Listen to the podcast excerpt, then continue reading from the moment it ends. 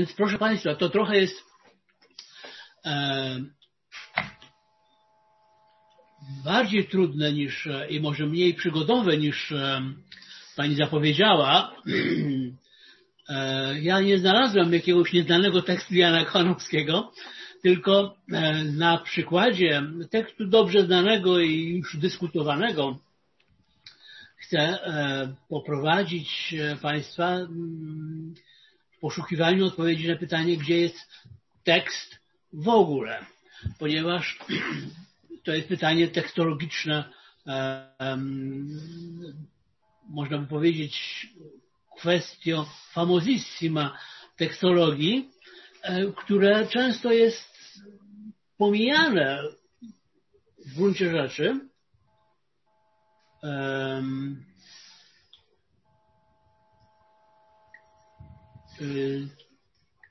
Czy mnie słychać? Tak, słychać. To w ogóle w takim razie ja, bo tak to nie wiem dlaczego do tej pory ja musiałem wkładać słuchawki, a, a ja was słyszę, czyli jednak komputerowy system w słuchawek mikrofonów działa, także nie muszę słuchawek wkładać, a to to jest inne urządzenie. Chwileczkę. Już, już. E, czy teraz jest wszystko w porządku? Tak. E, więc to jest pytanie ogólne, gdzie jest tekst i tak jak tam zapowiedziałem w, w tym streszczeniu, będziemy szli tym tropem tych ogólnych zagadnień, natomiast pokażę to na przykładzie właśnie tego konkretnego tekstu.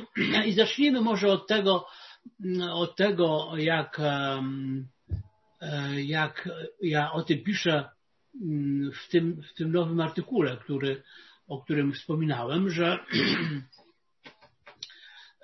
punktem wyjścia tych, tych, tej części moich rozważań jest artykuł Jorga Schultego. Profesor Schulte jest no, wybitnym znawcą Kochanowskiego. Wiele o nim napisał, książkę po polsku i po, po, po niemiecku wydał i tam no, z, z takich żartobliwych czy absurdalnych tekstów, jak ta fraszka, o której będziemy mówić, czy, czy innych, wydobywa takie treści, które na sposób poetycki wyrażają stanowisko, które poeci zwykle wykładają w traktatowych utworach opatrywanych tytułem Ars Poetica. Dlatego ten rozdziałik zatytułowałem Implikowana Ars Poetica. To też jest dość częste u poetów, że, że nie, nie piszą traktatu, ale, a czasem piszą tylko wiersz, jeden, drugi wiersz, czasem nawet dają tytuł taki właśnie Ars Poetica, a czasem tylko jakoś przemycają swoje stanowisko poetologiczne w taki czy inny sposób. No i ten, ten przykład mamy u Kochanowskiego, że on bardzo rzadko wypowiada się o swojej poezji jako o poezji, natomiast tych ukrytych przekazów się doszukujemy i Jörg Schulte jest w tym no, bardzo zaawansowany. Co skupia jego uwagę i co mnie zainteresowało w tym, bo muszę powiedzieć, że nie jestem, mimo że się zajmuję teraz od paru lat, kieruję wspólnie z panem Łukaszem zespołem, który opracowuje dzieła wszystkich Jana Kochanowskiego, to po prostu nie miałem takiego nie wiem, zapału, czy na początku to byłem, miałem inne obowiązki zawodowe, że się nie mogłem zająć badaniem Kochanowskiego, takim po prostu wiersz po wierszu. Więc tutaj mnie zainteresowała sprawa, którą badałem gdzie indziej, którą się zajmowałem z innego powodu. I to odkrycie właśnie, że o, to proszę, u Kochanowskiego jest coś takiego, mianowicie kwestia udziału czytelnika. To na przykładzie zagadki pewnej Schulte opracowywał, a zagadka no jest właśnie takim, no można powiedzieć, bardzo tradycyjnym, pradawnym, jeszcze z pewnością ustnym gatunkiem no, literackim, narracyjnym, który no właściwie nie istnieje bez słuchacza, prawda, bez odbiorcy. Ten, kto stawia, stawia zagadkę, no nie, sta, nie stawia jej sobie, nie zadaje jej sobie, tylko, tylko zadaje go, zadaje ją jakiemuś odbiorcy. I, i wspólnie się bawią, prawda, nad zgadywaniem tego, co jest, co jest ukryte w zagadce. No, jest to sposób na wciągnięcie odbiorcy i można by powiedzieć, że jest to taka sytuacja archetypowa. Przez to, że jest pradawna, jeszcze z tysięcy lat przed piśmiennością, z pewnością jest to, jest to dane, jest to, jest to znana zabawa i w bajkach, nawet w tych bajkach, które już współcześnie zapisywano, w tych, tych bajkach typu Jakub Grimm, prawda, XIX wiek, który, który odkrył bajkę literacką obecną wcześniej już, ale, ale, ale właśnie ta tak zwana bajka ludowa ma, ma właśnie swoje też zagadki, cała, cała jest klasa tego. Więc zagadka, problem, zaplanowanie udziału czytelnika. Natomiast ten tekst, który, który chcę Państwu pokazać i który właśnie zaczął moje zainteresowanie i badaniami Szultego i, i, Kochanowskim w tym aspekcie, to jest fraszka o łazarzowych księgach. Państwo pewnie na nią spojrzeliście, bo podałem numer 252, czy w drugiej księdze 52 fraszka, odwołująca się do pseudoewangelicznego podania, bo to nawet nie jest taki klasyczny apokryf, o spisanym przez zmartwychwstałego Łazarza doświadczeniu jego duszy, z czasu, gdy był martwy. Prawda? Zadano sobie to pytanie, to pytanie, że kiedy Łazarz umarł zanim Chrystus go wskrzesił, to gdzie była jego dusza, prawda? To jest, to, to, to jest bardzo podobne do tego pytania, które, na które dzisiaj odpowiadamy, gdzie jest tekst? Gdzie była dusza Łazarza przez ten czas? No i myśląc nad tym, dorobiono taką odpowiedź, mianowicie, że on księgi napisał, napisał wspomnienie z tego, co widział, gdzie był, gdzie była jego dusza, tak to nazywajmy, bo to inaczej się nie da tego w innych terminach ująć. I spisał, spisał te księgi, mówi ten, ten niby apokryf, i tak jak tu Kochanowski to referuje, Łazarz, Łazarz on święty, kiedy znowu ożył, napisał księgi, które wszystko włożył, cokolwiek widział, albo i co słyszał. Na onym świecie, gdy pod ziemią dyszał. Tu oczywiście można się zagłębić w interpretację, ten on, świat i gdy pod ziemią dyszał, co to znaczy, no wiemy o co chodzi. księgi utajnione przez włodarza przy śmierci trafiają wreszcie, on to utajnił. Powiedział, że nikt tego nie napisał te trzy księgi i zakazał komukolwiek czytać. Przekazał je, nie zniszczył ich, tylko przekazał je i one tam przechodzą z, z, z osoby na osobę i wreszcie trafiły na osobę, która mogła je przed swoją śmiercią otworzyć, bo taki, taka, taka była, ta, taka była reguła, klątwa taka, że, żeby, że może tylko przeczytać. Dobra, nic nie ruszaj. Halo? Proszę Państwa, bardzo proszę o wyłączenie mikrofonów, dobrze, żebyśmy nie, nie przeszkadzali profesorowi. Dziękuję. I ta osoba, która miała prawo przed śmiercią przeczytać te księgi, nie wytrzymała i wcześniej je otworzyła. Zerwała pieczęcie i wtedy się okazało, że te księgi są puste. Papier goły. No, to jest oczywiście rzecz, którą interpretowano e, na różne sposoby. Nie znam nawet wszystkich tych interpretacji, bo chcę prześledzić tę jedną e, Jörga Schultego.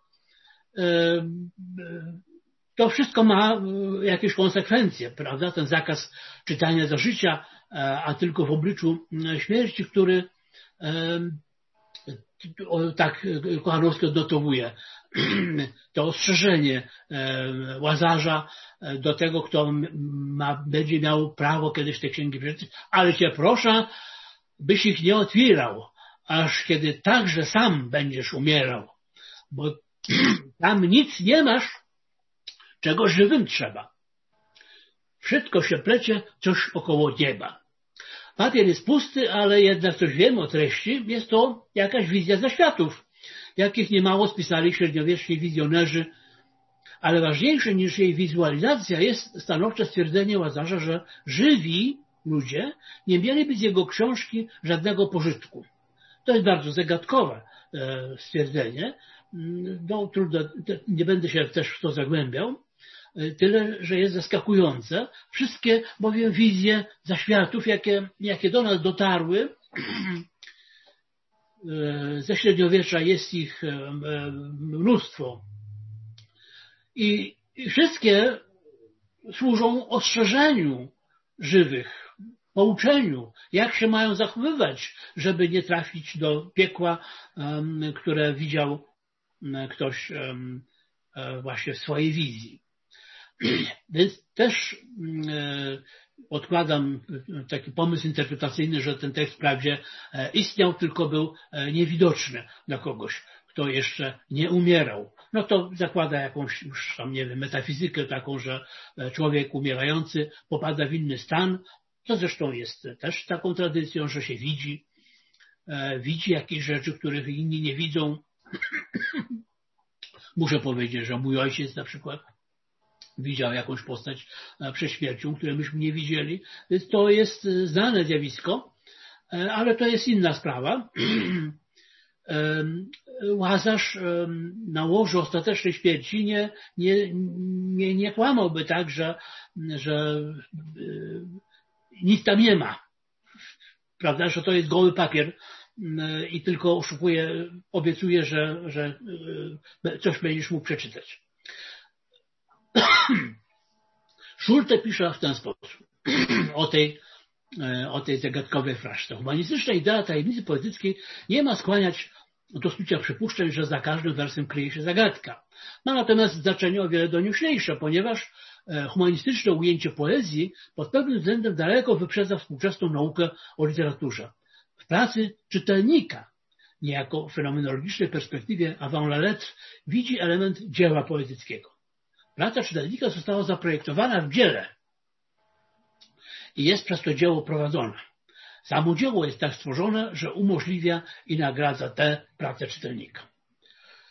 Literaturnawstwo współczesne, dalej Schulte, znajduje się pod tak mocnym wpływem starożytnej oraz idealistycznej estetyki, że zapomniało o swojej własnej humanistycznej spuściźnie. Nawet przyjmując teoretyczne podstawy fenomenologii, nauka o literaturze nie uczyniła decydującego kroku, który polega na uznaniu pracy czytelnika za istotowy składnik dzieła. Praca czytelnika jako składnik dzieła. Czyli już dochodzimy do tego, do tego pytania, Mm, e, gdzie jest tekst. Tekst jest również u czytelnika. Dzieło jest również u czytelnika, nie tylko u autora. Takie rozumienie dzieła poetyckiego stanowi szerszy problem niż pytanie, czy w danym miejscu utworu stykamy się z zagadką, którą można rozwiązać. Praca czytelnika to zatem recepcja dzieła stymulowana przez autora. Tak, ale i coś więcej. To kompozycyjny nakaz obrazowości, totalny, wedle którego wszystko trzeba powiedzieć przez obraz.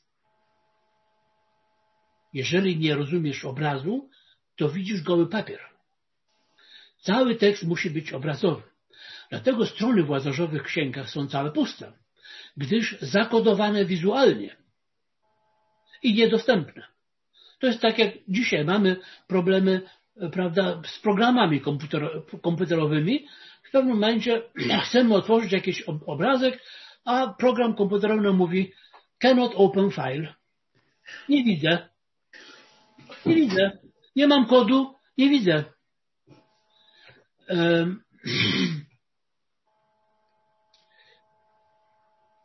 bo nie umie rozszyfrować kodu. Gdyby chodziło tylko o pojedyncze, ciemne metafory, których w tekście e, przecież nie rozumiemy, tego nie rozumiemy, tego nie rozumiemy, ale całość jakąś tam mamy.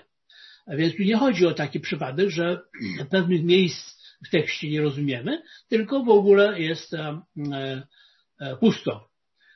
Bo to były, byłyby jakieś właśnie te luki, które młodzi Państwo nie, nie, nie, nie przeżyli tego, ale kiedy będziecie przeglądać, e, w, polskiej cenzurze tego nie było, e, ale e, chyba, nie wiem, w Tygodniu Powszechnym chyba kiedyś coś takiego zrobił, że na modłę cenzury w okręcie wojennym, jeżeli cenzor, czy nawet wcześniej, zakwestionował jakiś tekst, to redakcja nie wstawiała na to miejsce nic innego, tylko były takie puste plamy na szpalcie. E, I e, cenzura komunistyczna tego nie dopuszczała. E, nie pozwalała nawet zaznaczać, że tekst był cenzurowany. Dopiero to chyba w 1981 roku to zostało wywalczone za pierwszej Solidarności, że wolno było zaznaczać właśnie interwencję cenzury w nawiasie kwadratowym, interwencja cenzury. E, natomiast, e, natomiast właśnie chyba tygodnik tak kiedyś coś takiego zrobił, że, że te właśnie puste miejsce stawił. No w każdym razie tu nie o to chodzi, że pewnych miejsc tekstu nie rozumiemy, tylko cały tekst jest zakodowany w kodzie, którego nie potrafimy odczytać. No więc co się ma stać, jak ma wyglądać ta praca czytelnika pochylonego nad tą e, pustą księgą, jeżeli nie może, mm, nie może on nic przeczytać, nie dokona aktu recepcji, co, co musi zrobić, żeby dotrzeć do, do tego, co w tej księdze jest? No, cóż może zrobić? Musi to dzieło stworzyć. I ten proces kreacji semantycznej nazywa się emergencją. Ja o emergencji pisałem i tam mieliście Państwo odsyłacz. ale na razie wróćmy do tej interpretacji Schultego. W jego wykładzie puste księgi łazarzowe oznaczają nie tylko e, apokryficzne czy podaniowe zapisy wizji Łazarza z pobytu jego duszy w zaświatach w czasie pomiędzy śmiercią a cudem Chrystusowym, ale odnoszą się samozwrotnie do fraszek wydanych w trzech księgach, księgach a jakże łazarzowych, ileże wydanych w firmie Łazarza Andrysowica, co było oficjalną nazwą drukarni Jaruszowskiego, która wydała fraszki. E, pokusa połączenia obu Łazarzów mogła zaiskrzyć semantycznie u poety czułego na takie głośno, słodko-gorzkie snaki, ale nawet jeśli nie przyjąć za szultem aż tak skrajne metafory, że moje fraszki równa się apokryficzne księgi łazarzowe, co nie jest bez sensu i nie jest to metafora niepozbawiona wdzięku, to sama tematyzacja legendarnych pustych ksiąg we własnym poważnym wierszu, no poważnym, fraszka jest to niby, ale, ale jednak o tematyce poważnej, o, o e, cudzie dokonanym przez Chrystusa, więc to nie jest sobie taki żarcik. To daje e, powierzchownie efekt autoironii i działa jako doprowadzony do skrajności topos skromnościowy, który w całej twórczości Kochanowskiego jest obecny. Ale skoro te księgi nie zawierają naprawdę pustych stron, gdyż przecież mając te księgi, czyli e, flaszek ksiąg troje, prawda, Jana Kochanowskiego, które kupiliśmy w librarii e, Łazarza Andrysowica w Krakowie, kupiliśmy je od drukarza i tam czytamy w,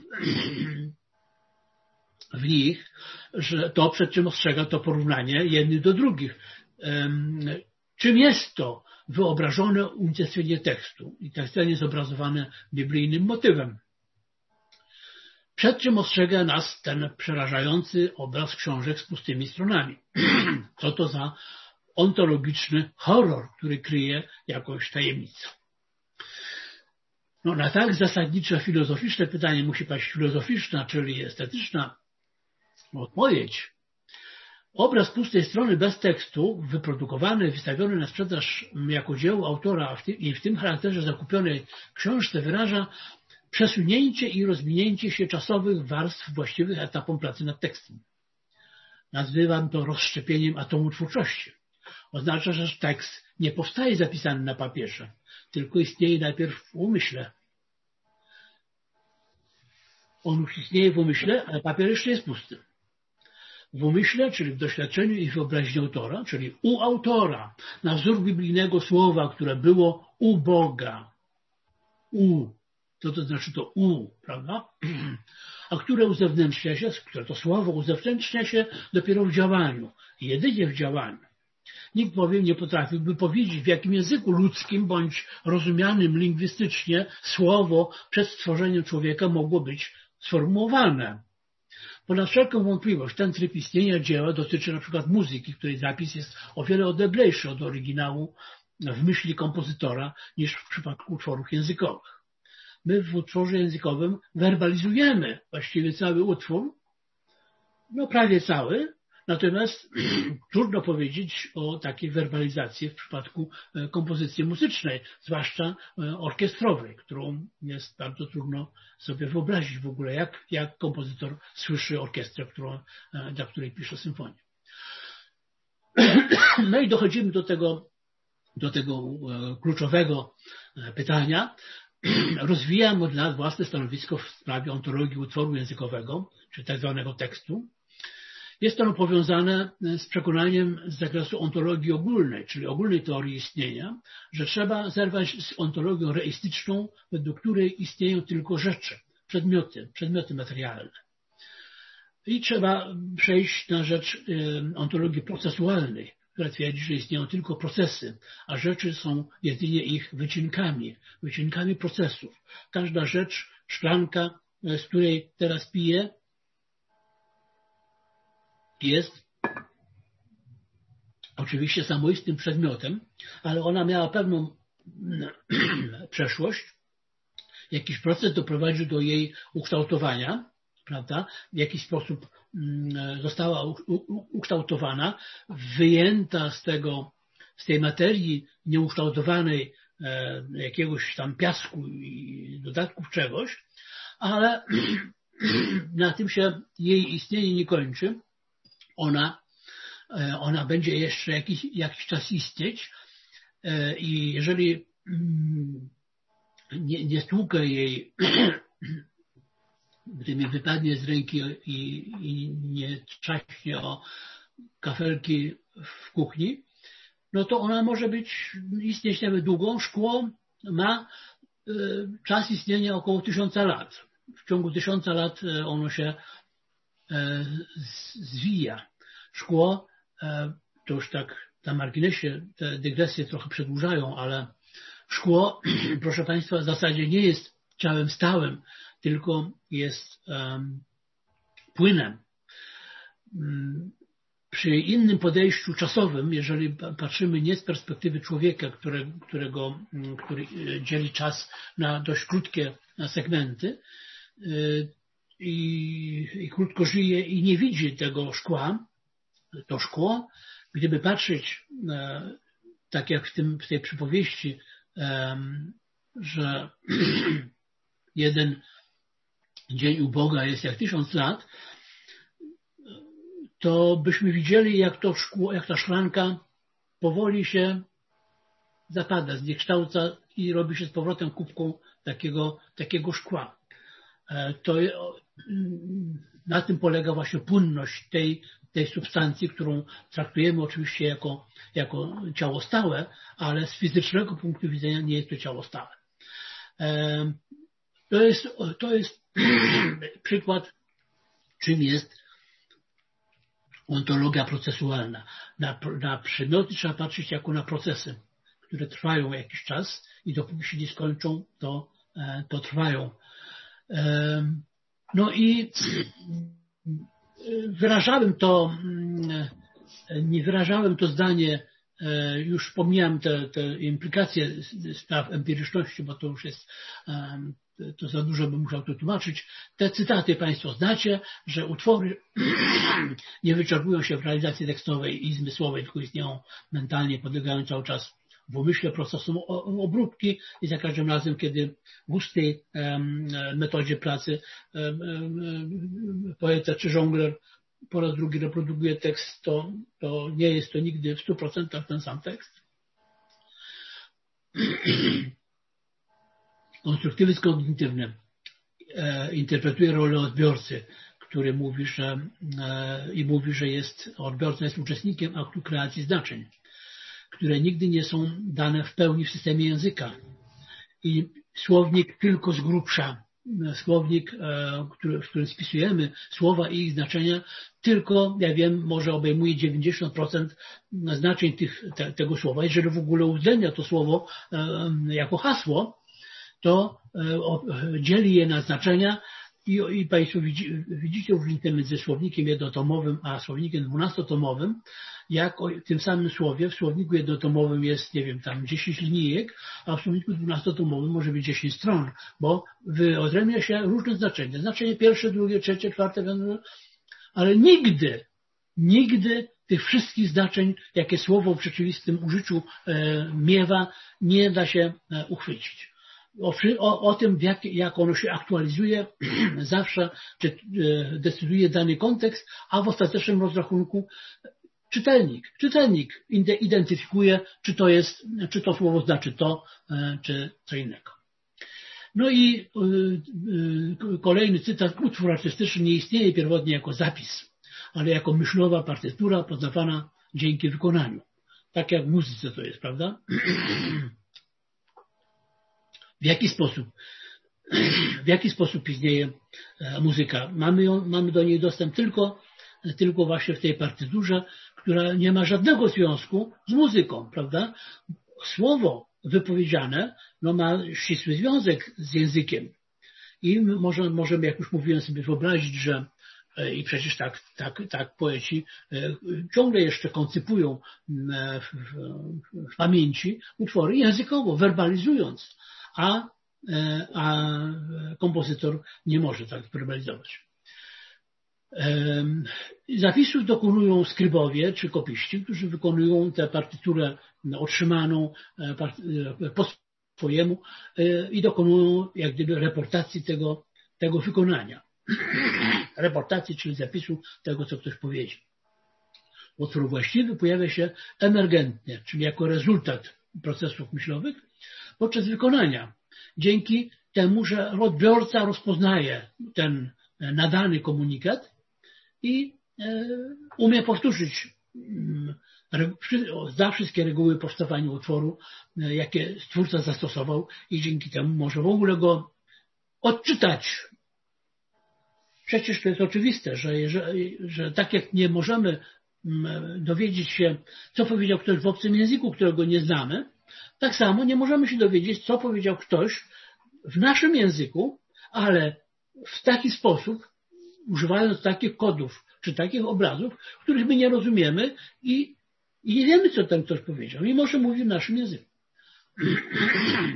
No i tutaj jest e, przytyczek pod adresem pana e, Łukasza, dyktat ścisłego z naszej polemiki w tekstach drugi z zeszłego roku. Dyktat ścisłego materializmu w tekstologii wynika z redukcji tekstu do tego, co widać na powierzchni, przy ignorowaniu wszystkiego w tej górze lodowej, na czym ten widoczny e, segment spoczywa. Jest to podejście z gruntu błędne, panie kolego. E, tekstu nie ma materialnie, istnieją tylko jego zapisy. Teoria semantycznej emergencji, którą dokładnie opisuję e, w innych artykułach, łączy zagadnienie twórczości i odbioru w jeden proces, a w pewnym sensie w jedno metazdarzenie. Poeta bowiem ma na oku odbiorcę, liczy się z jego aparatem poznawczym i stara się nie przekraczać jego możliwości, gdyż to grozi rozminięciem się z przeznaczeniem dzieła. To jest być może sytuacja, którą ewokuje treść podania o Łazarzu i dziwna okoliczność, że tekst jego księgi był niewidoczny dla osoby niegotowej na jej odczytanie. Co to znaczy niegotowy? Nie wiemy. W jaki sposób niegotowej, a więc niezdolny do czytania. A więc sam tekst był też wizją. Ten tekst miał być wizją. Możesz dostąpić wizji. Mój y, następco, otwierając te strony, dostąpisz wizji, tak jak ja dostąpiłem wizji zaświatów, e, kiedy, e, kiedy umarłem, zanim mnie Chrystus wskrzesił. A więc tekst jest wizją, na której objawienie nie mamy wpływu. Objawia się nam lub nie, lub które dostępujemy w obliczu śmierci, w tym przypadku konkretnym, czy może mówiąc uczenie w sytuacji liminalnej. A więc jest to zaostrzenie sytuacji odbioru, prawda? Odbiorca jest tu postawiony właśnie w sytuacji e, właśnie człowieka, który umiera i tylko wtedy dopiero może zobaczyć tę wizję, która była dla niego przeznaczona. Musi znaleźć się w szczególnej sytuacji. To jest takie, taka egzystencjalna metafora dla tego, co my w normalnym trybie, kiedy do tekstów zyskujemy dostęp, osiągamy niekoniecznie ryzykując życie, czy e, tracąc na chwilę przytomność i odzyskując, kiedy prokurator wychodzi, jak to e, skutecznie przeprowadził pewien e, sprytny adwokat, tracę przytomność, prokurator zaczyna odczytywać akt oskarżenia, tracę przytomność. Prokurator wychodzi, wyszedł, ja już odzyskałem przytomność. No więc to jest tego typu e, e, trochę sytuacja, a my jako czytelnicy e, w inny sposób musimy znaleźć się w tej, w tej sytuacji dostąpienia do, do wizji, która nam udostępni tekst. tekst. Czyli, czyli to dzieło, które się musi ujawnić właśnie w werbalnej postaci. Odbiorca, czytelnik, słuchacz musi potrafić odtworzyć swoim aparatem poznawczym treść utworu, jaki odbiera i musi mieć zdolność czytania ze zrozumieniem. Tak się to bez przerwy mówi, prawda? O, nie umie czytać ze zrozumieniem, nie umie czytać ze zrozumieniem. Bez przerwy to jest. No ale to, to jest właśnie to. Nie umie czytać ze zrozumieniem, to znaczy nie wychwytuje pewnych kodów i, i umykają mu pewne niuanse, a więc właściwie e, jest w sytuacji tego tego człowieka, który przed gołym papierem stoi. A więc czytać ze zrozumieniem, czytać cały bagaż kulturowy, który jest w tekście, w tekście implikowany. To czytanie warunkuje możliwość zwykłego zapamiętania. Nie zapamiętamy tekstu, którego nie, nie, nie rozumiemy no, w jakimś wystarczającym stopniu. Nie zapamiętamy niczego. E, tym bardziej nie powtórzymy zapamiętanej treści, jeśli, jeśli jej całkowicie nie zrozumieliśmy. Nie ma mowy. Będziemy powtarzać jakieś, jakieś pojedyncze tylko mm, e, e, sygnały, słowa, ale treści przekazu nie, nie zapamiętamy i nie będziemy potrafili przekazać dalej, jeżeli, e, jeżeli nie zrozumieliśmy dokładnie mm, tego, tej treści. To jest umiejętność, którą, której nabywamy, oczywiście ucząc się, będąc w szkole e, i małe dzieci, zanim się nauczą rozumienia e, treści, e, widzą tylko pojedyncze sygnały. To można się łatwo przekonać, jak dziecko opowiada film, który widziało. Dziecko nie potrafi streścić fabuły tylko będzie opowiadało, a potem poszli tam, a potem zrobili to, a potem to, a potem to, a potem było to, a potem było to, może to wszystko zapamiętać, ale nie, nie zna fabuły, o co tam chodziło. I często ciężko jest to zrozumieć, o co chodziło w, tych wszystkich zdarzeniach. No więc to wszystko trzeba zrozumieć, żeby móc zapamiętać tekst. E, I w sumie to odczytanie tekstu jest w gruncie rzeczy następnym krokiem, że e, nie zrozumiesz słysząc, e, jeżeli nie zrozumiesz słysząc, no to właściwie prawie tak jakbyś nie słyszał, bo cóż to ci po tak wysłyszeni, jeżeli nie rozumiesz co mówią, słyszysz e, słowa, nie dźwięki, jak to w piosence jest Kaszmarskiego. Słucham nie słów, dźwięków. I tak samo nie, nie potrafisz powtórzyć, jeżeli, jeżeli nie rozumiesz. I tak samo nie odczytasz. Nie odczytasz, jeżeli, jeżeli nie rozumiesz treści kodu, bo nawet jeżeli widzisz te, e, jakiś ten e, czarne wężyki na papierze, to nie mając kodu nic ci potem. A jest taka teoria kulturowa, że, że w gruncie rzeczy, owszem, no trudno sobie wyobrazić, że ktoś mający normalny wzrok na zapisanej takiej karcie papieru nic nie będzie widział, dlatego że nie, nie zna alfabetu i jest niepiśmienny, ale, ale, ale z pewnością tak jest, że, że jest coś takiego jak szum, prawda, w, w teorii komunikacji, że jeżeli nie rozumiemy czegoś, nie, nie rozumiemy czegoś jako, jako komunikatu, jako sygnału, to odbieramy to jako szum. Więc ten szum w gruncie rzeczy można też prze, przełożyć na, na, na sposoby zapisywania tekstu i postrzegania tekstu, w jaki sposób widzimy tekst, którego nie rozumiemy. To już jest właściwie jeden krok do, tej, do tego gołego papieru. Bez tych, bez tych wszystkich umiejętności rozumienia tekstu ze wszystkimi jego implikacjami, niemożliwe jest zatem, niemożliwe jest zapamiętanie ani przekaz dalej. Ani transfer wewnętrzny, czy zapamiętanie w głowie, ani transfer zewnętrzny, opowiadanie dalej, cytowanie, transmisja. No, to są przecież autorskie kompetencje, żeby umieć tekst odtworzyć w jego, w jego wszystkich znaczeniach i przekazać go jeszcze dalej. To wiemy doskonale, jak to jest trudno, kiedy chcemy, kiedy opowiadamy dowcipy, dowcipy, chyba już ostatni gatunek literatury ustnej, który jest powszechnie uprawiany. Wiemy doskonale, że to nie jest taka prosta sztuka, że raz się uda, raz się nie uda.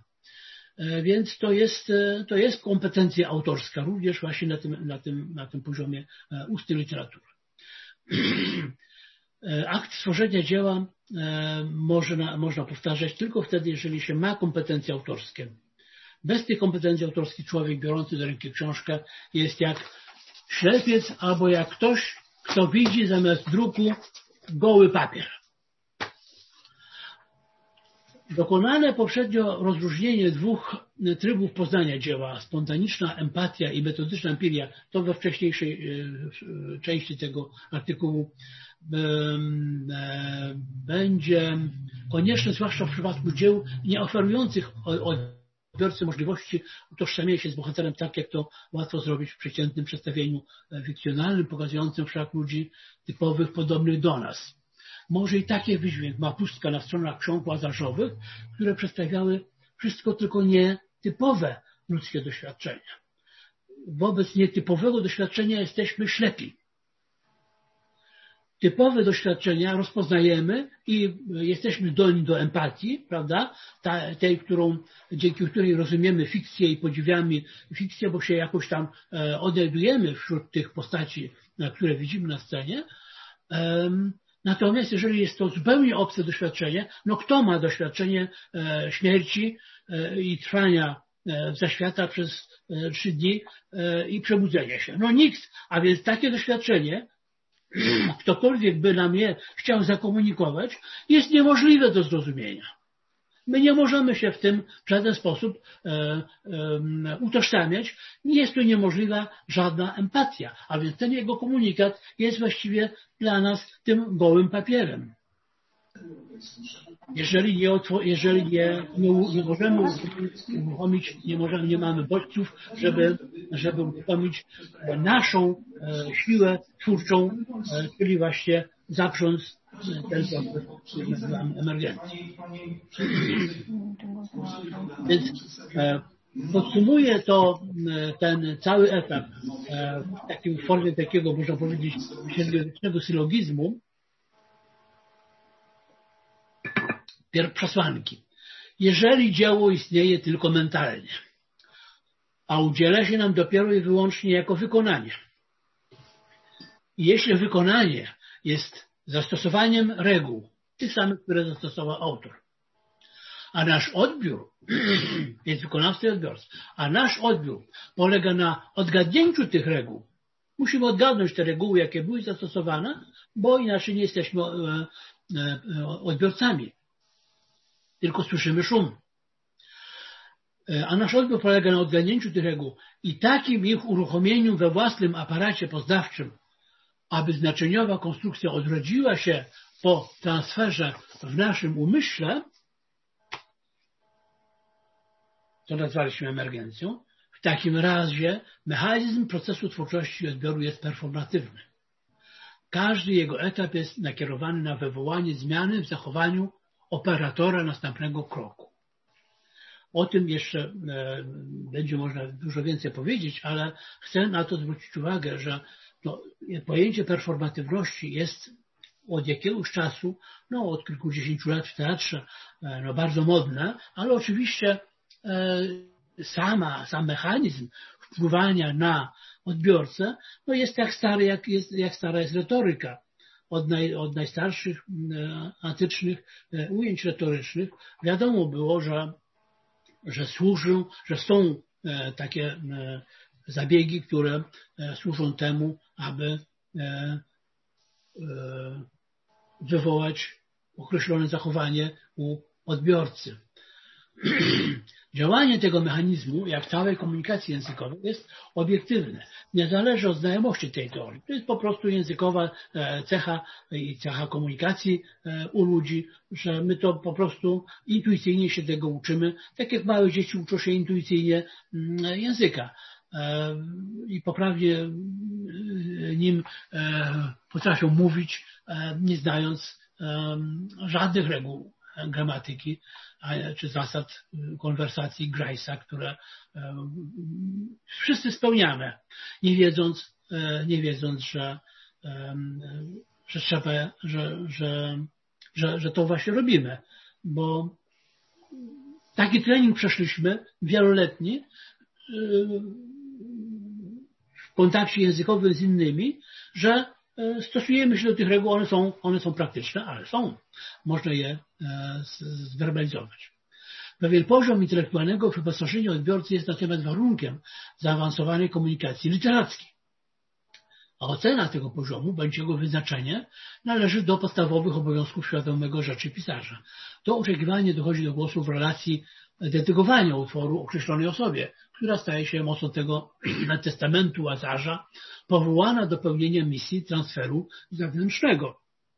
Oczywiście nie jest to tak, że dedykacje w dawnych utworach, no czy nawet zdarzają się we współczesnych, mm, one dawniej to były przeważnie jakimiś ukłonami w stronę sponsorów, którzy, e, którzy dawali nam 500 dukatów 500 za dużo, na, na druk naszej książki, no ale też były to osoby, no, z którymi jakiś, jakiś jakiś dialog, czy nawet pedagogiczny, czy intelektualny prowadziliśmy. Więc tak czy owak E, adresat dedykacji jest przez nas powołany do pełnienia misji transferu zewnętrznego. On coś tą książką dalej zrobi. Czy pozwoli ją wydrukować w wielu egzemplarzach i dalej no, przekazać, czy do biblioteki e, weźmie i tak dalej.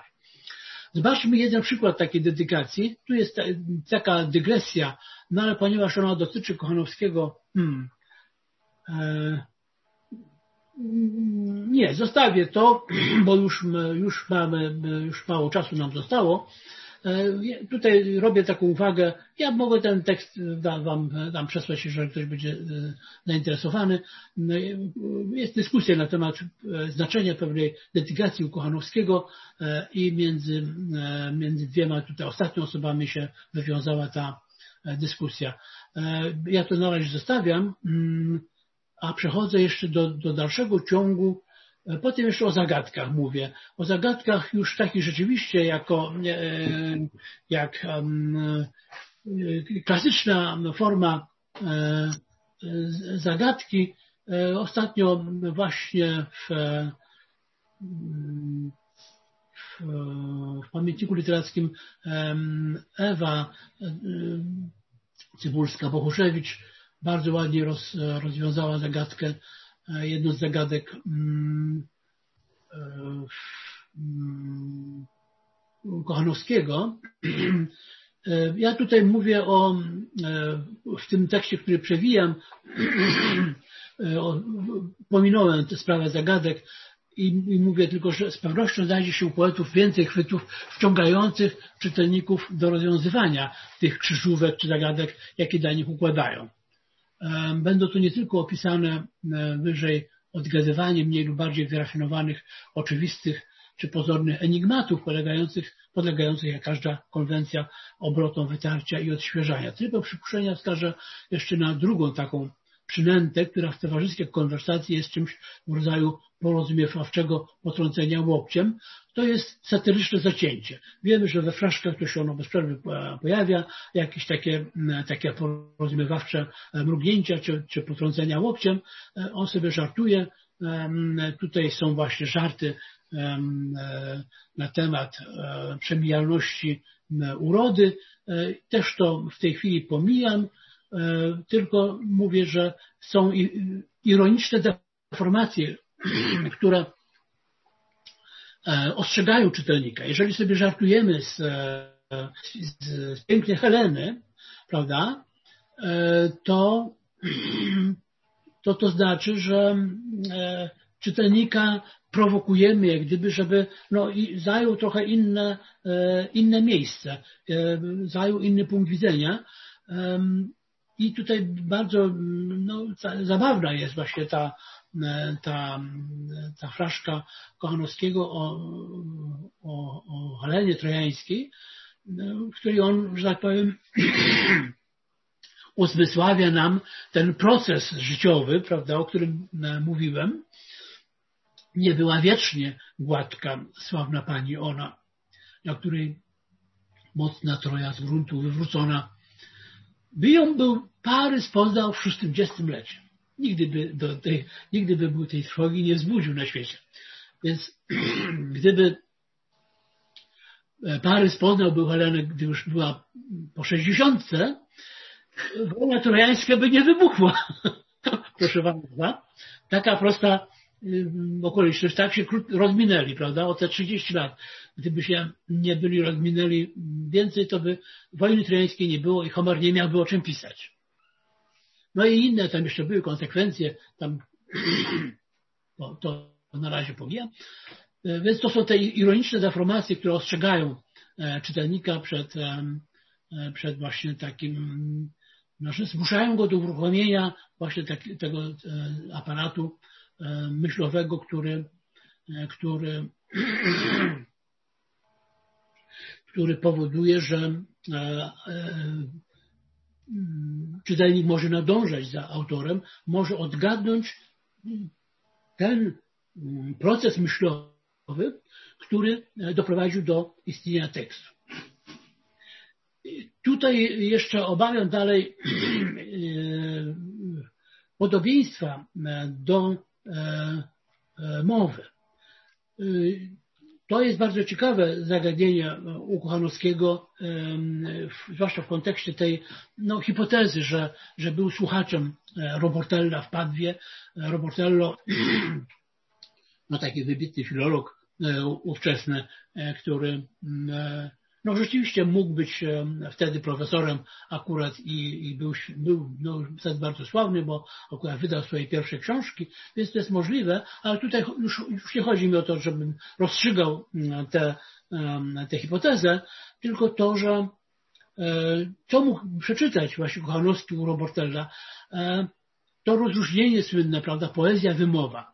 E, wydaje nam się, że wymowa to jest już coś, coś dawnego, coś co e, przebrzmiałego, że, że teraz e, owszem, tu retoryka współczesna udziela porad mówcom i tak dalej, że mówienie głośne, deklamacja no nie są dziś nieznane, ale że to już nie jest literatura. I z wyjątkiem oczywiście teatru, e, w zasadzie, no, owszem, poezję się czyta e, na głos, ale to raczej właśnie na, na spotkaniach z autorami, e, którzy nie zawsze tę poezję potrafią już naprawdę dobrze czytać. Aktorzy często są lepsi, ale też potrzebują reżyserów.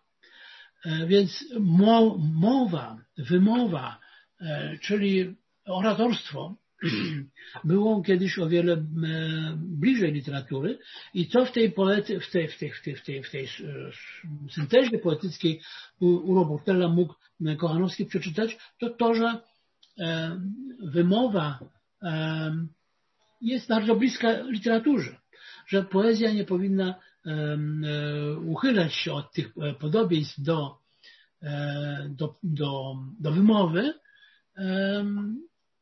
Także i mówcom nie jest obca umiejętność żartowania i ganienia. Często bowiem potrzebują szczepliwych powiedzeń do odparcia przeciwników. No więc, więc to jest e, istotne, dlatego że znowuż mamy performatywność. No i tu już na, na, na zakończenie podsumuję, e, bo rzeczywiście doszliśmy prawie do końca te metody stawiania zadań czytelnikowi, aby go zaangażować i skłonić do zobaczenia czegoś więcej niż goły papier. Omówiona wyżej e, bliskość gatunkowa, satyry, komedii, epigramatu i oratorstwa jest nie tylko materiałowa bądź tematyczna, ale polega na dwóch o wiele bardziej zasadniczych i powiązanych ze sobą czynnikach performatywności i identyczności aparatu wykonawczego, zorientowanego w obu formach podawczych na odbiorcę. To się sprowadza do deklamacji w wykonaniu żywego człowieka i co w starych poetykach było nawet przedmiotem e, ostrzeżenia, aby się wystrzegać nadmiaru teatralnych środków wyrazu. Te, te przestrogi przed teatralizacją nadmierną, czyli przed e, zbytnim naciskiem na performatywność. Nie zaprzeczeniem, ale żeby nie, nie być zbyt tutaj nachalnym w tym wpływaniu na odbiorcę, również kaznodziejów E, tam przed tym e, ostrzegano. Teatralność poetyckiej deklamacji i oratorstwa jest być może tylko sprawą historii środków przekazu i pewnie trochę zasłużyła na zarzut taniego efekciarstwa, ale jednak tam, gdzie jest stosowana, ma funkcję twórczą bądź sprawczą. Dotyka istoty udziału stron w akcie twórczości, co wyraża kognitywistyczna reguła rozumienia jako wymyślania. Ja ją powtarzam prawie w każdym artykule swoim, gdzie, gdzie dotykam tych spraw. Zrozumieć to znaczy wymyślić. Jean Piaget powiedział, jeżeli, jeżeli coś rozumiesz, to potrafisz to wymyślić. To jest bardzo, bardzo głęboka formuła, która streszcza to wszystko, co mówiłem na początku, że e, to czytanie ze zrozumieniem, prawda? Żeby zrozumieć, trzeba wymyślić to, e, daną treść w swoich um, zasobach intelektualnych. Zgodzimy się wszak, że ktoś niezdolny do rozumienia zapisanego tekstu widzi w nim tylko goły papier. W takich sytuacjach słuchanie żywej mowy daje odbiorcy dodatkowy kanał pobierania znaków egzystencjalnych, wyrażających pewne treści czy jakąś rozumność jak to e, uczynił Kozioł swoim konceptem, tam fraszka o koźle e, była e, omawiana taka troszkę obsceniczna. Słuchacz oprócz tego kanału przekazującego najprostsze i powszechnie zrozumiałe znaki egzystencjalne wyrażone ciałem, a więc ucieleśnione, to jest bardzo ważne pojęcie w, właśnie w konstruktywizmie kognitywnym,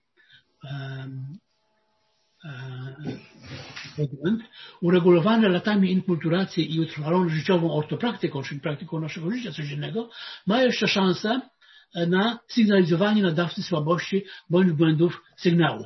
Ja teraz nie, nie, nie patrzę się, nie mogę się patrzeć na wasze, na wasze, na, na wasze reakcje, ale w normalnej sytuacji mówienia jest to, to jest, jest to możliwe. E, I to jest dla pozycji, dla, dla odbiorcy e, pozycja o wiele silniejsza, bo e, jak, mówi, jak widzimy, może, może nawet wyjść w pewnym momencie i nie, nie słuchać już wypowiedzi ustnej, ale w każdym razie jako, jako świadek wykonawstwa wtórnego, recepcyjnego, który jedynie odtwarza warunki powstania tekstu w pierwotnym układzie i ponawia jego ucieleśnienie, może e, je kontrolować, może być e, z bliska obserwatorem tego, jak ten proces e, przebiega. W obu wszakże przypadkach kreacji pierwotnej, czyli autorskiej, jak i odtwórczej, wykonawczej, kluczową rolę odgrywa stopień zaangażowania odbiorcy. Od jego to bowiem aparatu twórczego zależy stopień odczytania dzieła, czy odrodzi się ono jako pełnowartościowy utwór, czy pozostanie niewidoczne na gołym papierze. Dziękuję Państwu. E, dziękujemy bardzo Panie Profesorze. E, szanowni Państwo, e, zachęcam do, do zadawania pytań Panu Profesorowi. Myślę, że na pewno jakieś się pojawią. Proszę bardzo. Można też do mnie pisać. Ja na tym czacie. Na tym, czy, czy teraz na czacie, czy potem ja na tym, na swoim blogu opublikowałem streszczenie tego naszego tego naszego spotkania i tam można bardzo łatwo się ewentualnie wypowiedzieć, e, czy, czy, czy przesłać mailem bardzo prostym. E, nie mogę wrócić do, do, pełnego, do pełnego ekranu. Nie jest to mi już potrzebne, ale słucham. Jeśli można. Proszę bardzo. Panie no. doktorze wywołany do tablicy. Pierwszy zgłaszam się y, z, z garścią moich spostrzeżeń.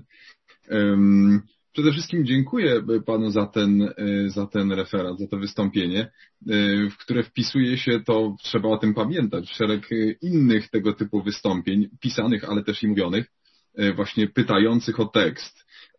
Na przykład Stanleya Fisha, czy na tych zajęciach jest tekst też wyrażający to poszukiwanie. Aha, to ciekawe. Jest, jest taki, przetłumaczony zresztą na, na, polski. E, także Francuz napisał po angielsku taki artykuł, no z, właściwie z tej działki można powiedzieć tekstologicznej, czy tekst istnieje, does text exist? E, no i jest jeszcze szereg takich innych i warto by było, kiedy, e, kiedy już Pana prace się ukażą, spojrzeć na nie właśnie w tym kontekście, bo E, bo wiele jest tutaj rezonansów, takich e, wątków pokrewnych, które się splatają e, w tych różnych pracach. Natomiast przede wszystkim chciałem powiedzieć, że profesor Schulte, tutaj, którego Pan wspomniał, jeżeli dobrze pamiętam, w tym kontekście, że między innymi no, współczesne literaturoznawstwo w jakimś stopniu zawiodło dotychczas, nie rozpoznając E, tego niuansu, że e, dzieło może być u czytelnika, także jak Pan powiedział, e, czyli że właściwie no, czytelnik może być częścią tego dzieła, czy inaczej mówiąc, jego tożsamości, więc chciałem powiedzieć, że nie do końca tak jest. To znaczy są teorie, które o tym mówią. W szczególności jest to taka teoria, która no, po polsku można by ją nazwać teoria tekstu uwarunkowanego społecznie. I w niej to pojawia się właśnie ten rys, czytelnika jako współautora. No w tym sensie dzieło jest u czytelnika, bo on też wpływa e, na jego powstanie. Jest to troszkę inaczej ujęte e, niż, niż e, w tej perspektywie, którą Pan przedstawił. Niemniej jednak jest. I co więcej, ze wszelkimi tego konsekwencjami, o których również Pan wspomniał i które również Pan w, swoim, w swojej perspektywie podkreślił, mianowicie z konsekwencją procesualności, bo i tam w tamtej teorii, o której ja mówię, dzieło jest zjawiskiem procesualnym, wręcz jest definiowane jako zdarzenie społeczne. E, dzieło społeczne właśnie dlatego, że jest procesem, który rozgrywa się e, między odbiorcą, nadawcą i tak dalej, w tym całym kontekście. Więc, więc to, to jest taka, takie ważne uzupełnienie, że to tak nie do końca to współczesne literaturoznawstwo i edytorstwo zresztą, bo, bo ta mhm. teoria tekstu edytorstwa też weszła. Po drugie, teraz refutacja czyli w ten materializm taki nawet skrajny, który, którego ja nie jestem szczególnym zwolennikiem, e, ale, ale materializm jednak, e, wobec którego też Pan tutaj wystąpił, właściwie nie polega na tym, że, żeby twierdzić, ja też nie twierdzę, że poza e, materialnym zapisem nic nie ma. Problem jest jedynie w tym, co z tym zrobić, co jest poza materialnym zapisem. Co z tym zrobić, y, co zrobić z tym słowem, które jest u Boga, czy też u autora, który tutaj trochę został właśnie ubóstwiony. No właśnie, co z tym zrobić? Przeczytam jeden cytat, jeżeli mogę w mojej przydługiej wypowiedzi, e, bo jeden z badaczy, też zwolennik poniekąd tego społecznego uwarunkowania tekstu, e, podejmuje taką refleksję. To jest taka refleksja właściwie z pogranicza społecznego uwarunkowania tekstu i teorii e, i krytyki genetycznej. Pan jest, nazywa się John Bryant, a jego książka nosi tytuł Płynny tekst. Ona się niedługo ukaże w polskim przekładzie. I on o tej genezie, no bo wpisuje właśnie te, to, to słowo, które jest u, u, autora w proces genezy. No to jest jakby taka inicjalny moment genezy. Dzieło wtedy zaczyna powstawać w głowie, w umyśle. I pisze John Bryant w ten sposób. Cóż można powiedzieć o genezie poza tym, że jest ona wszystkim, a zarazem niczym, o czym warto by rozmawiać. Słowa zdarzają się. Wygląda na to, że przychodzą znikąd. Ab nihilo. Bum. Nie ma o czym mówić. I dalej jeszcze kawałek. Słowa zdarzają się i możemy powiedzieć tylko to, że pisarz w jakiś sposób świadomie uczestniczył w tej ucieczce z ciemności. Gdyby zapytać go, skąd czerpiesz pomysły, o procesie genezy mówiłby albo mętnie, albo wymijająco, albo entuzjastycznie, albo ze zdumieniem i rozpaczą, ale rzadko z dbałością o szczegóły, która pobudziłaby merytoryczną dyskusję. Przytaczam to nie jako jakiś kontrprzykład, tylko właśnie jako alternatywne spostrzeżenie, które wiedzie mnie do pytania. E, bo, bo, bo teraz to, to pytanie zasadnicze. Jeżeli by przyjąć właśnie e, za bardzo ważny i istotny element teorii tekstu właśnie ten fakt, że słowo jest u autora, to jak to się przekłada na badania tekstologiczne, czyli na badanie historii e, tekstu? Cóż, właśnie co z tym zrobić? Słowa się zdarzyły i teraz jak dotrzeć do tej, do tej genezy, poza tym faktem, że jest, no i tu ten wątek wraca, zapis, czyli to, co materialne, e, do którego materialiści sięgają. Prawda? Tu jest, e, jakby w pewnym sensie jest to wyraz niemocy, tak można by to, tak można by określić. I to tyle. Dziękuję. Tak. Ja nie mówię, że stwierdzenie tego, że tekst istnieje e, tylko mentalnie, a to, co do nas dociera, to są jego zapisy, czyli przekłady na język pisany, że to usuwa wszystkie problemy tekstologii. nie, oczywiście nie skąd bierze się to słowo, skąd bierze się słowo, skąd autor bierze słowa. To nie jest tak, że no, one wszystkie e, pochodzą z tej ciemności. Większość tych słów to jest echa, to są echa e, tekstów albo słów zasłyszanych u kogoś. To nie jest aż taka straszna tajemnica. E, tutaj mamy tę inkulturację, która ma swoje mechanizmy i który, która powoduje, że z, z dużą łatwością, można by powiedzieć, z im większą łatwością e, odgadujemy pochodzenie tych, e, tych słów, mm, e, tym mamy do czynienia z mierniejszym poetą, poeta głęboki, poeta wielki, o ten, ten wyciąga właśnie z, z ciemności e, najwięcej. Ale nawet tam nie jesteśmy bezradni, nie jesteśmy, tak jak tutaj, e, całkiem e, ślepi, e, jednak wszędzie, e, no, mając już oczywiście ten sygnał jakiś tekstowy, prawda, no bo jeżeli e, nic e, nas nie łączy z tym łazarzem, no to ten, ten goły papier zostanie gołym papierem. Więc e, musimy mieć e, jakiś powód, żeby tego autora odgadywać.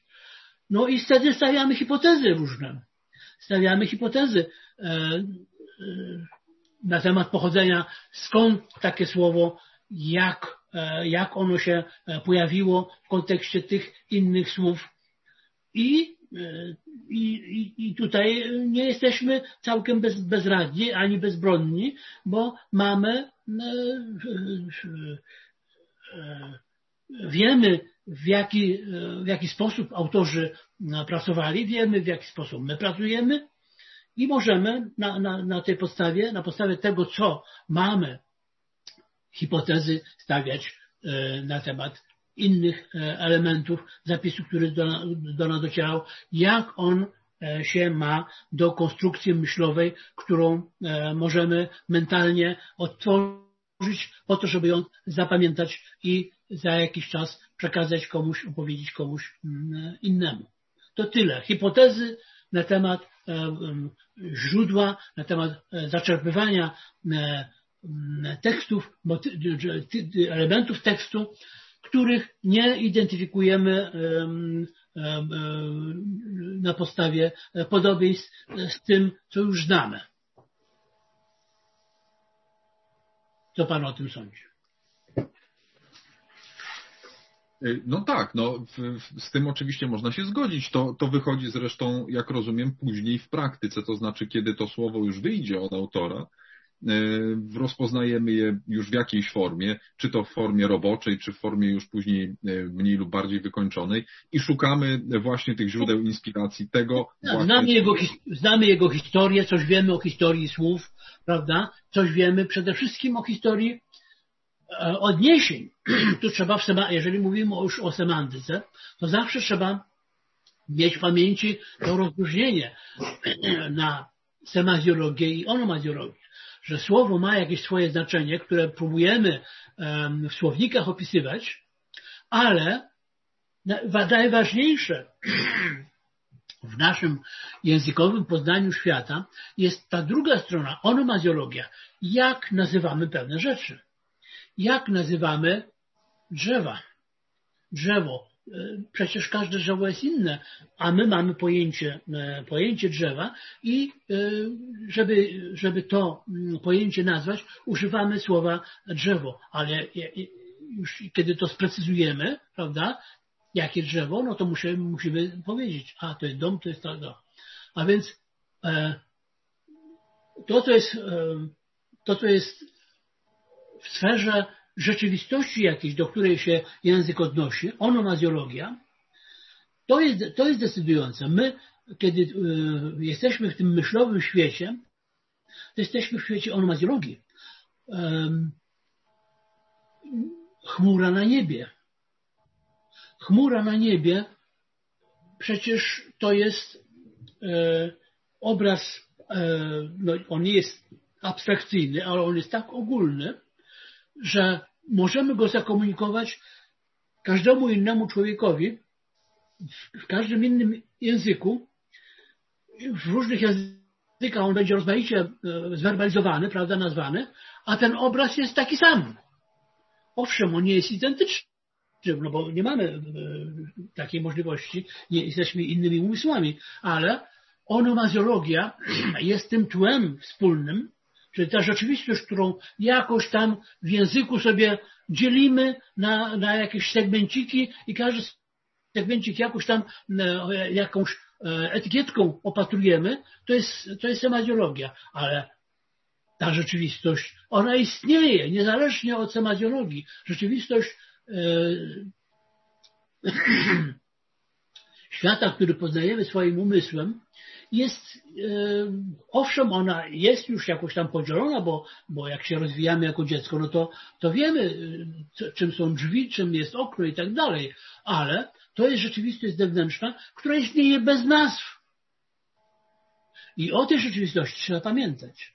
Kiedy, kiedy badamy tekst, który mówi o jakichś tam operacjach na, tej, na, na, na pewnej rzeczywistości zewnętrznej, to trzeba stale ją próbować sobie odtwarzać i zawsze to robimy mniej lub bardziej e, e, intuicyjnie.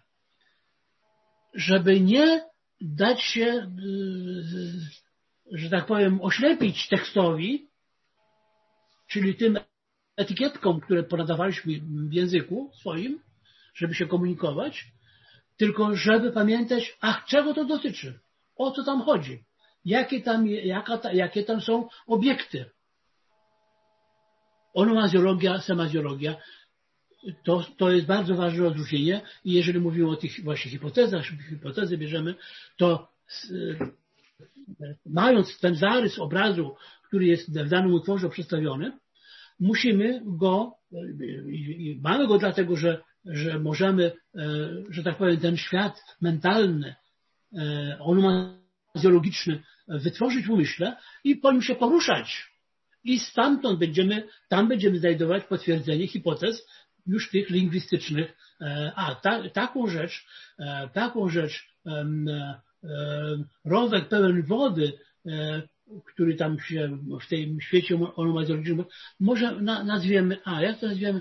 No rzeczka, rzeczka, rzeczka, strumyk, strumyk, strumyk, potok, potok. No a to jest to samo. bo i, i tylko rozmaicie to nazywamy i, i musimy potem rzeczywiście iść za tym autorem i de decydować, czy on mógł mieć na myśli strumyk, czy potok, czy rzeczkę, czy jeszcze coś tam. To, to, nie jest, to nie jest łatwe, ale to nie jest chaotyczne, to nie jest e, nieuporządkowane i to nie jest e, goły papier. Czyli jak rozumiem, e, to co edytorzy nazywają odmianami tekstu, to są właśnie ślady tego procesu, o którym Pan mówi, który przeszedł przez grube sito i właśnie przepuszczone różne z, Hipotezy. Jakby, tak, hipotezy. Tak, hipotezy, czy właśnie te etapy Realizacje też. Tak. I różne realizacje, bo, bo ktoś, kto ten tekst powtarzał, czy nawet autor po jakimś czasie, on tamten świat onomazologiczny, świat przedstawiony, prawda? Świat przedstawiony w literaturoznawstwie, to jest właśnie ten e, onomazjologiczny e, e, podkład, który jest ponazywany jakoś tam słowami, ale to jest jakaś rzeczywistość, którą sobie autor wyobraża i ten świat przedstawiony jest w tle i on jest gwarancją jeżeli go identyfikujemy, to dzięki niemu możemy go na nowo opowiedzieć po raz drugi, trzeci, czwarty i będziemy za każdym razem robić to inaczej, E, bo właśnie nasz umysł w ten sposób działa. Nawet, nie, nie, nawet nieświadomie pewnych słów zapominamy, pewnych słów nie używamy. Ale ten świat przedstawiony, e, świat onomazjologiczny, on e, jest podstawą. Jeżeli jego nie, nie, nie, nie, nie rozszyfrujemy, to nie rozumiemy tekstu i nie, nie, nie, ani go nie zapamiętamy, ani go nie będziemy potrafili potem przekazać dalej. Hmm. Dobrze, ja dziękuję. Nie chcę dalej ciągnąć tej dyskusji, bo moglibyśmy, e, ale na pewno jeszcze ktoś e, chciałby się do niej dołączyć. Już, już widzę, że wykruszyła się nasza publiczność. E, szanowni Państwo, zapraszam do zadawania pytań. Czy ktoś jeszcze chciałby zapytać o coś, postawić problem jakiś? Dzień dobry. Y, ja chciałabym trochę może w konsekwencji, a, a trochę z takiego tytułu, że jako koło edytorstwa naukowego dla nas istotna jest też praktyka. Zastanawiam się, zastanawiam się, w jaki sposób, w jaki sposób rola edytora może tutaj Mm, pomóc w tym docieraniu do tego, do tego umysłu autora?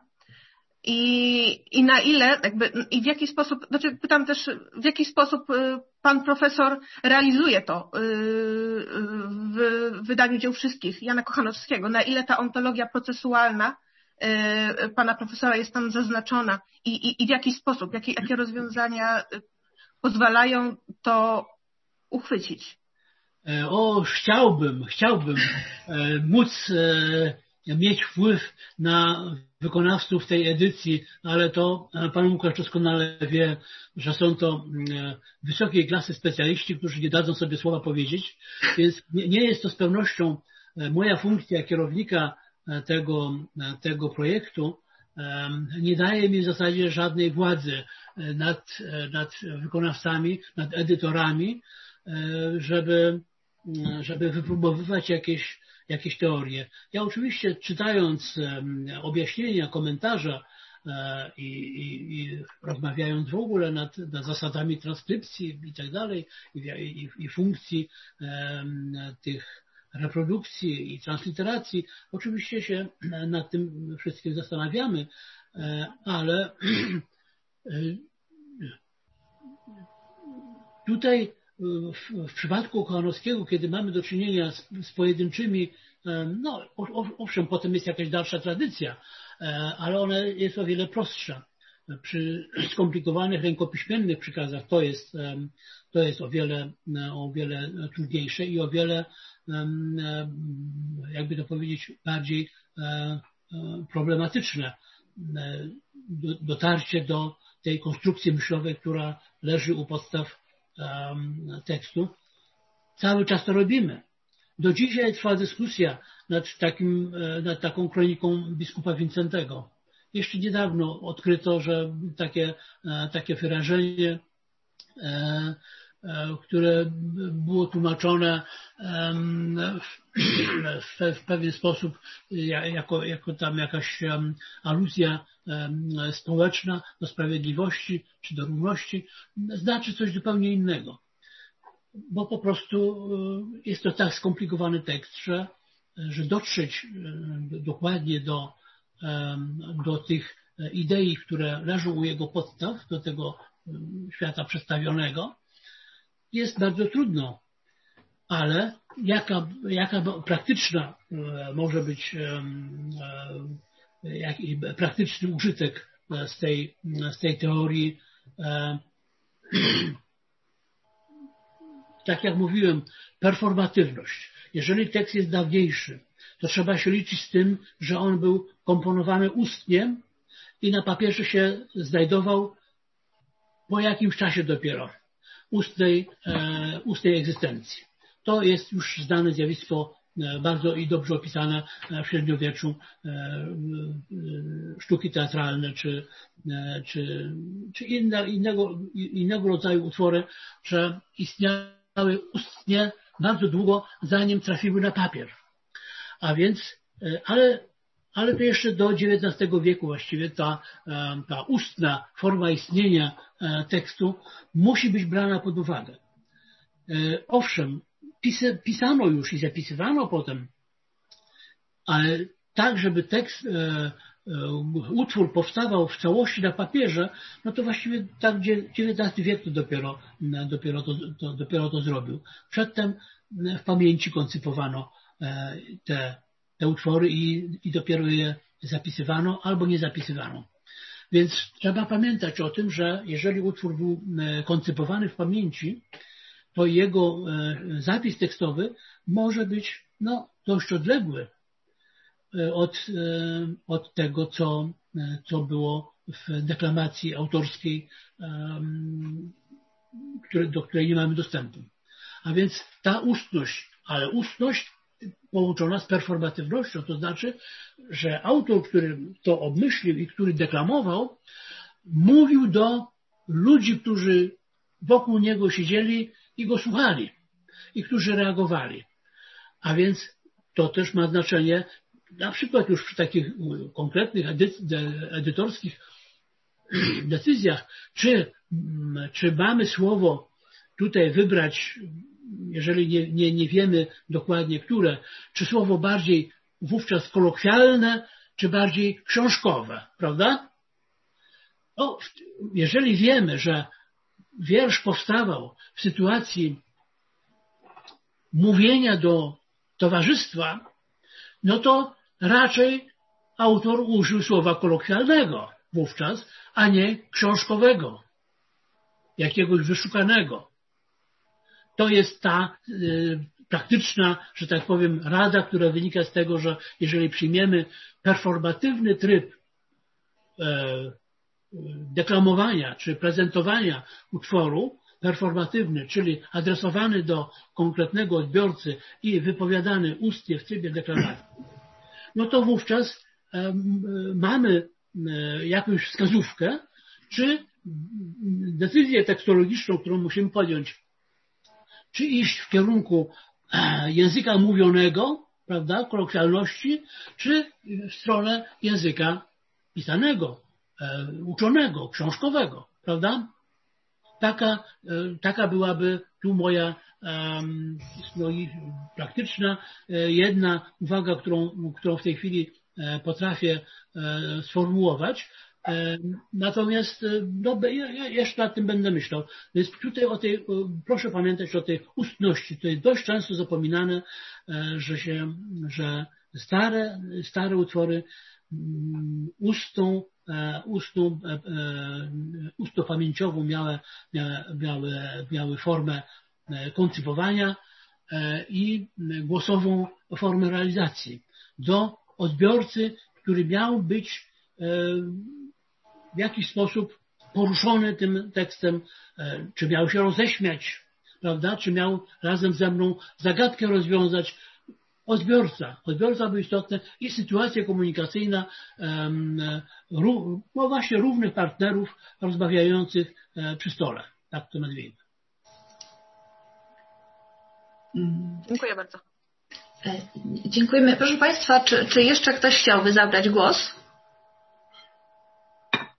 E, jeśli nie, to ja, ja pozwolę sobie e, na, na pytanie, może takie e, bliższe naszej, naszej codzienności, dlatego że mówił Pan Profesor o tym, że mamy dzieło, mamy wykonanie i mamy odbiór i że ten odbiór to właściwie jest odtworzenie według pewnych reguł, co oznacza, że oczekujemy od czytelnika konkretnych kompetencji.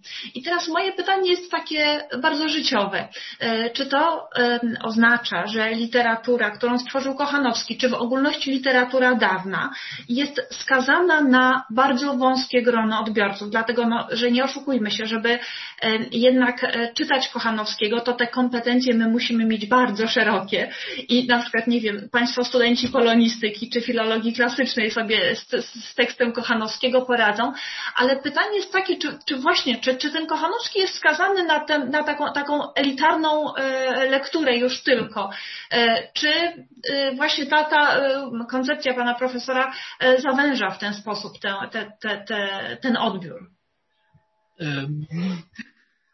Mam nadzieję, że nie i są dowody na to, że, że jednak nie. A, a dlaczego? Dlatego, że posługując się tym obrazem e, gołego papieru, mamy tu jednak mm, taką sytuację, że utwór jest wielowarstwowy. I tak jak podawałem ten przykład Heleny i Parysa, prawda, to zdanie, gdyby Parys poznał Helenę już była po 60, to, to by wszystko inaczej się potoczyło. Z tym nie mamy żadnego problemu, prawda? Każdy dzisiaj człowiek, pani się roześmiała, e, kiedy to usłyszała, to jest, to są e, w tej warstwie, można powiedzieć, egzystencjalnej, czy, czy w tych zrębach świata przedstawionego, który się wyłania z utworu, doskonale się możemy orientować. W świecie Jana Kochanowskiego doskonale możemy się orientować, e, możemy się czuć pod lipą jak u siebie w domu, bo to jest lipa, lipa, którą znamy.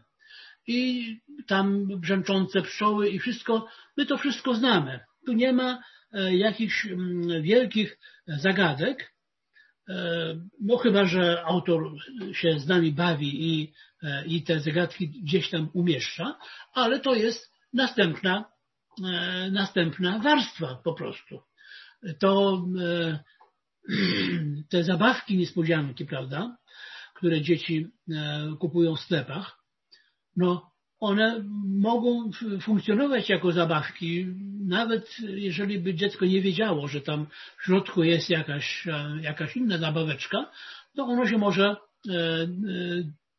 tą zabawką też bawić. I jest to oczywiście niepełne wykorzystanie tego, tego tego obiektu. No i my w ten sposób niepełny e, siebie nawzajem rozumiemy cały czas. Cały czas nasze rozumienie drugiego człowieka w komunikacji e, na każdym etapie jest niepełne. Ono często bywa stuprocentowe, ale rzadko.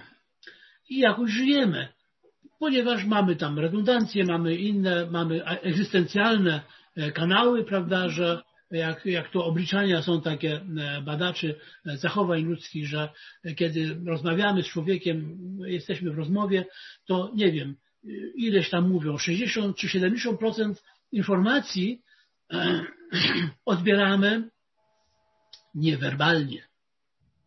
Czyli tylko obserwując twarz tego człowieka, jego zachowanie, jak tam rękami wymachuje, tak jak ja teraz, e, że to jest ten kanał e, niewerbalny, który też e, wspomaga komunikację językową. I, I tutaj znowu wracam do tego, do tego, do tej performatywności, prawda? To jest performatywność. To jest właśnie wspomaganie się kanałem egzystencjalnym, znaków egzystencjalnych, czyli wykonywanych przez nasze ciało, do tego, żeby wzmagać nasz komunikat językowy. I mówca, czy deklamator, czy poeta, który e, swój wiersz e, e, gościom deklamował, no właśnie mógł być, mógł wykorzystywać ten aparat performatywności, mógł właśnie swoimi gestami, intonacją, prawda, zmianą głosu, jak dialog jest, taki głos, taki głos, pomagać sobie, żeby nawet jeżeli jakieś słowo się tam trafiało, którego on nie znał, odbiorca ten nie znał, tamten znał, to żeby to, to nie powoduje to, że, to, że ten tekst się rozpada, tak jak, tak jak mamy to w, w komputerowym kodowaniu, że wystarczy jeden znak coś źle zrobić i wszystko, wszystko pryska i nie ma sensu. Więc komunikacja jest wielonurtowa, e, językowa i e, tak jest z dawną e, twórczością, z dawną poezją, że jakiś procent, nie wiem, 50, 60, 70 możemy odbierać bez żadnego kłopotu.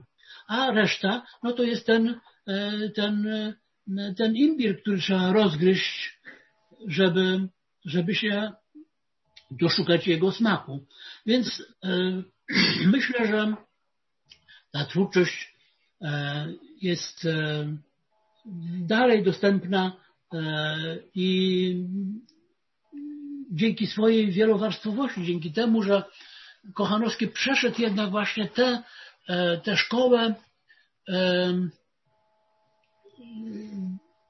czytania czy mówienia swoich wierszy żywej publiczności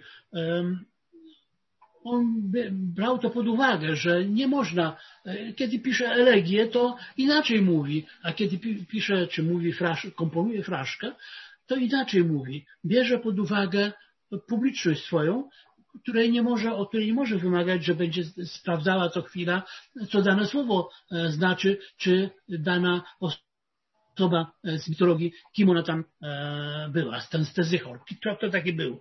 No, to, to właśnie jest to, te, te warstwy, że w warstwie narracyjnej, takie fraszce, ktoś z kimś coś tam robi, prawda? I my rozumiemy, że pis, pis, tam kozioł połyka piskorza, piskorz mu się tam wymyka i rozumiemy zabawna mm, historyjka, a jaki tam jest jeszcze mm, drugi sens, to jest zupełnie e, inna sprawa. Więc nie jest tak źle. Wydaje mi się, że, że nie jest e, ta, ta twórczość całkowicie y, hermetyczna, ponieważ ona nie chciała być hermetyczna. Już pomijam tę łasińską twórczość jego,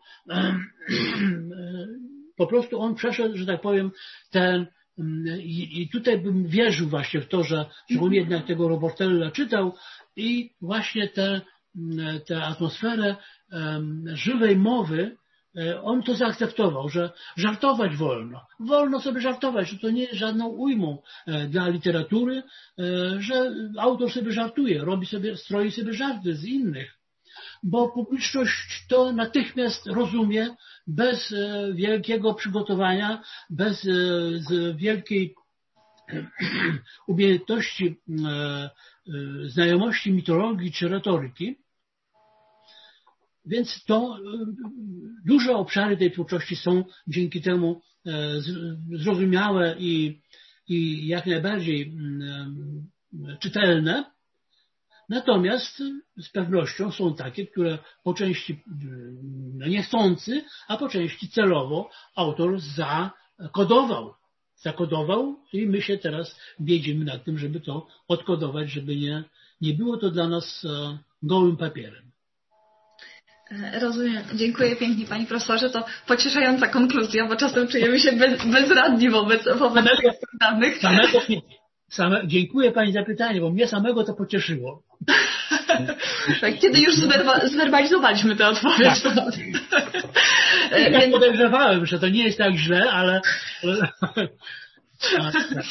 Zatem, e, proszę Państwa, czy, czy ktoś jeszcze chciałby zabrać głos? Tak, no właśnie ja bym chciał dodać coś do tego tak. optymizmu. Tak. To wcale nie dziegciu, tylko jeszcze więcej miodu chciałem polać, bo, bo tak naprawdę o tej optymistycznej wizji, o której pan profesor opowiedział, świadczy też przecież historia recepcji y, Kochanowskiego. Przecież on był czytany y, niekoniecznie, czytany szeroko i to niekoniecznie wyłącznie przez y, najbardziej wykształcone warstwy. Tak, tak, tak. tak. Tym, na tym ta właśnie jego wielkość polegała, że potrafił przemówić tymi różnymi językami i w różnych warstwach odbiorczych, odbiorczych się mógł utrzymywać. Więc oni go czytali i rozumieli, a nie mieli tej edycji, którą my już częściowo mamy, a zaraz będziemy mieli w pełni. Więc y, jestem optymistą. 100% będzie zrozumiałe. Będziemy mieli pełną kartę już, nie, nie w połowie tylko zapisaną, ale pełne karty Kochanowskiego.